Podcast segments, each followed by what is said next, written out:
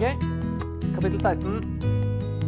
Der eh, møter vi eh, David. Så jeg tenkte jeg skulle se eh, mer på kapittel 17 av David og Goliat enn kapittel 16, sånn at eh, her har jeg bare oppsummert det veldig kjapt. Samuel salver David til konge.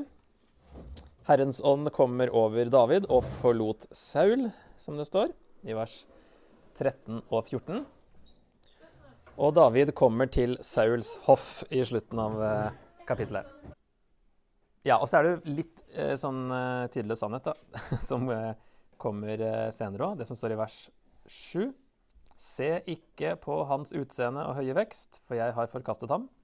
Her gjelder ikke det som mennesker ser, for mennesker ser det som øynene ser, men Herren ser på hjertet. Så Samuel òg tenker litt feil når han ser de her brødrene til David. Oi, han så kongelig ut. Men nei, ikke se på utseendet. og så er det da liksom ikke bare nummer sju, men det er enda en liksom, som ikke er der engang. Han er det. Så uh, nummer åtte, som da blir salvet midt blant brødrene hans, står det. Ok, Men så er det kapittel 17. da, Det er jo det kjente David og Goliat. Eh, Gjeteren David har jeg henta en eh, overskrift lånt fra en som heter Peter J. Williams. Det er veldig mye treere i denne, i denne historien. Det pe pekte han ut da. Så da, da, lærte, eller da hadde han liksom tre ting å lære av historien òg. Men det er veldig mange Altså Goliat har tre rustningsdeler. Han har tre våpen. David har tre brødre som nevnes. Han har med seg tre gaver. Det er tre belønninger. Og belønningen nevnes tre ganger. Og det er tre skapninger med hender. Altså når han snakker om at Gud har redda ham fra løve og bjørn, og skal også berge meg fra denne filisteren, så står det da løvens hånd og bjørnens hånd, og skal også redde meg fra denne filisterens hånd, står det da på, på hebraisk. Eh, og Saul har tre deler med utstyr, og Saul har tre spørsmål. Så det er veldig mye tre. Men han har fem steiner, da. men ellers er det veldig mange treere som man kanskje ikke tenker på med en gang. Eh, og det var så interessant. Jeg vet ikke helt hva konklusjonen blir. Men her er det da eh, Goliat som Altså, Saul skulle jo egentlig vært den som skulle ha slåss. ikke sant? Han var, den, han var kongen, han var høyere enn alle andre. Og eh, hadde han bare ikke mista Herrens ånd, så hadde han også turt å gjøre det. Men eh, han kan ikke vinne over filisterne lenger, da, ser vi her. Saul. For nå er det David som er salva. Og man ble jo, altså Grunnen til at Saul ble konge, var for han skulle vinne over filisterne, sto det i kapittel 9, vel. OK, så um, det, De punktene som han Peter Williams uh, landa på da, fra denne historien, her, det er at um, Tenk på Guds ære, som David gjør. Og det er jo en tydelig sannhet. La navnet ditt helliges, som vi ber. David er villig til å slåss for dette. Hva trenger vi å gjøre for Guds ære? Og så stoler David på Guds åpenbaring. David visste at han, han, kunne vinne fordi han skulle bli konge og ikke kunne dø. Sant? Han var ikke konge ennå. Så hvis han stolte på at den salvelsen og Gud hadde sagt han skulle bli konge, hvis han stolte på at det var sant, så visste han at han kunne ikke dø nå. Han visste det var hans jobb å ta ledelsen når den manglet. Han baserte seg på Guds åpenbaring, ikke på en følelse. Hva har Gud åpenbart for oss som vi skal gjøre? Eh, tredje punktet se ting med Guds øyne. David så annerledes på Goliat enn det alle andre gjorde. Alle andre så på David og trodde ikke han ville klare det. Gud ser annerledes på folk enn det vi gjør som i det verset vi leste i stad. Eh, vi blir imponert av VIPs. Vi rangerer mennesker. Ikke se på andre med menneskelige øyne, men som Gud ser dem. Og så dro han av paralleller til Jesus, da, som en god tale skal gjøre. Hvordan David peker på Jesus. At det ikke er tilfeldig at David var en gjeter. En som risikerte livet for lammene. fordi han sier jo at han har Når en løve eller en bjørn kom og angrep, sprang jeg etter den, slo den og rev feet ut av gapet på den, og reiste den seg mot meg, grep jeg den i manken og slo den i hjel. Altså, han løp etter dyrene som har tatt. Altså, han risikerte jo ganske mye, da, for et lam eller en sau som hadde blitt tatt, løper etter en bjørn, liksom. Og, eller en løve. um, så han, en gjeter som risikerer livet for lammene. David er en god gjeter, men Jesus er en enda bedre. Jesus døde for alle lammene. Han er den gode gjeteren som gir livet sitt for sauene, som han sier i Johannes 10, 11. Og så kan vi ta det videre derfra. Da er vi også i det her eh, ledertemaet som vi starta med. At vi trenger ledere som er gjetere, som tenker som en gjeter, og som den gode gjeteren. Som bryr seg om de små lammene. Så det er jo derfor en pastor ikke sant? Det er jo ordet for uh, gjeter. En hyrde. Og en pastor skal jo være som en gjeter. Ikke sant? Ikke være en som oppfører seg sjøl, og som tenker på suksess. Han skal gjete, uh, gjete lammene da, til suksess, for å si det sånn. altså, det er det han er til for. Det, det er det rollen er. Sånn at David hadde det i, han hadde gjort det i mange år, visste hva det ville si å være en god leder. Derfor vil han være en bedre konge. For han ville tenke på de små, og ikke um, være en konge som typisk konge, som ville tenke på seg sjøl. Men ser vi allerede her en liten sprekk. Um, vers 25 til 27. Um, det første han spør om etter å ha liksom hørt om belønningen David spurte de mennene som sto sammen med ham, hva var det han skulle få, den mannen som feller filisteren og tar en slik vanære bort fra Israel. Hvem er han vel, denne uomskårne filisteren som våger å håne den levende Guds hær? Folket gjentok det som var sagt, det og det skal han få, som feller ham. Og så står det lenger ned i vers 30. Så vendte han seg fra broren og gjentok spørsmålet for en annen, og folket ga ham det samme svaret som første gang. Så han er veldig, sånn, veldig opptatt av belønningen. Virker det som. Er motivasjonen hans delt? Er jo noe vi kan lure på, da. Og så se om, om det kan spores eh, noe fra det framover. Han han snakker om at uh, altså Goliat har håna Gud, og det er Guds ære. Men samtidig så hører han om denne belønningen tre ganger. Men eh, en, en, viktig poeng òg, da, som jeg tenkte å ta med til slutt her, skal uh, Matt Chandler få snakke litt. Okay. Now, I've told you as often as I can that the Bible's not about you. It's not a self-help book. Okay? That the Bible is, is one story. It is God reconciling to himself all things in Jesus Christ. That's the story of the Bible. It's, it's not about you. And when you try to interject you in the story, you miss the point because you always put yourself in Christ's role, not yours. So, my example David and Goliath. David and Goliath is not a story about you overcoming the major giants in your life because that would make you David, and you're not David. Well, you know, my boss, such a jerk. Give me my sling. You know, I'll overcome this. Well, you know, financial times are hard. I'll, I'll take care of that. You're not David. You are the cowardly Israelites over in the corner going, What are we going to do? He's talking so mean to us. Jesus is David, slaughtering the giant of sin and death. You're not the point. Og jeg syns den her er morsom, da. Goliat Not you. Så det er jo et, eh, et, viktig poeng. Tidløs sannhet. Bibelen handler egentlig ikke om oss, den handler om Jesus. Sant? Sånn at eh, David peker frem på Jesus, han peker ikke frem på oss.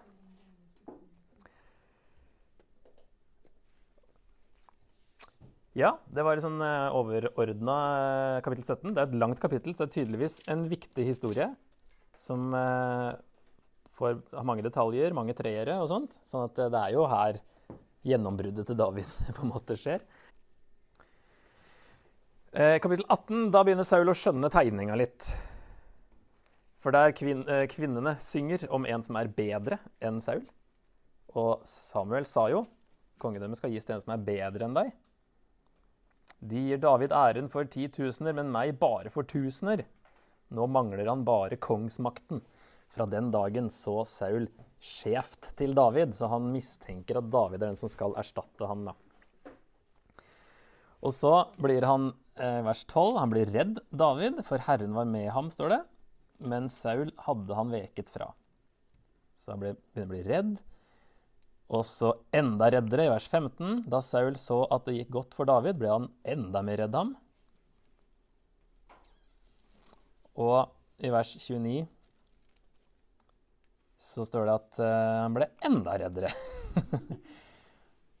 Ta vers 28. Men da Saul så at Herren var med David, og forsto at hans datter Mikael hadde ham kjær, ble han enda reddere David.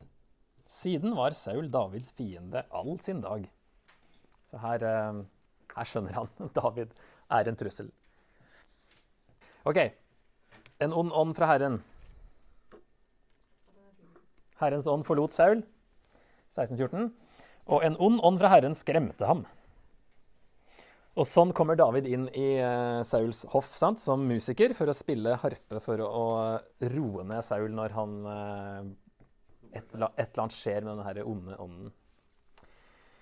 Uh, det understrekes at denne ånden kom fra Gud. Det er hele tida en ond ånd fra Herren. Så vi kommer nok ikke så langt, tror jeg, hvis vi skal prøve å bortforklare det. Er det kanskje fordi han uansett er den som er endelig ansvarlig for det onde? Men det, i hvert fall det som skjer her, første er jo at det fører til at David kommer inn i Sauls hoff og blir Sauls våpenbærer. Og neste gang det nevnes, i 1810 Dagen etter kom det en ond ånd fra Gud over Saul. Han ble helt fra seg inne i huset, og David spilte på harpen som han gjorde hver dag. Saul hadde et spyd i hånden. Han kastet spydet mot David og tenkte nå spidde jeg ham til veggen.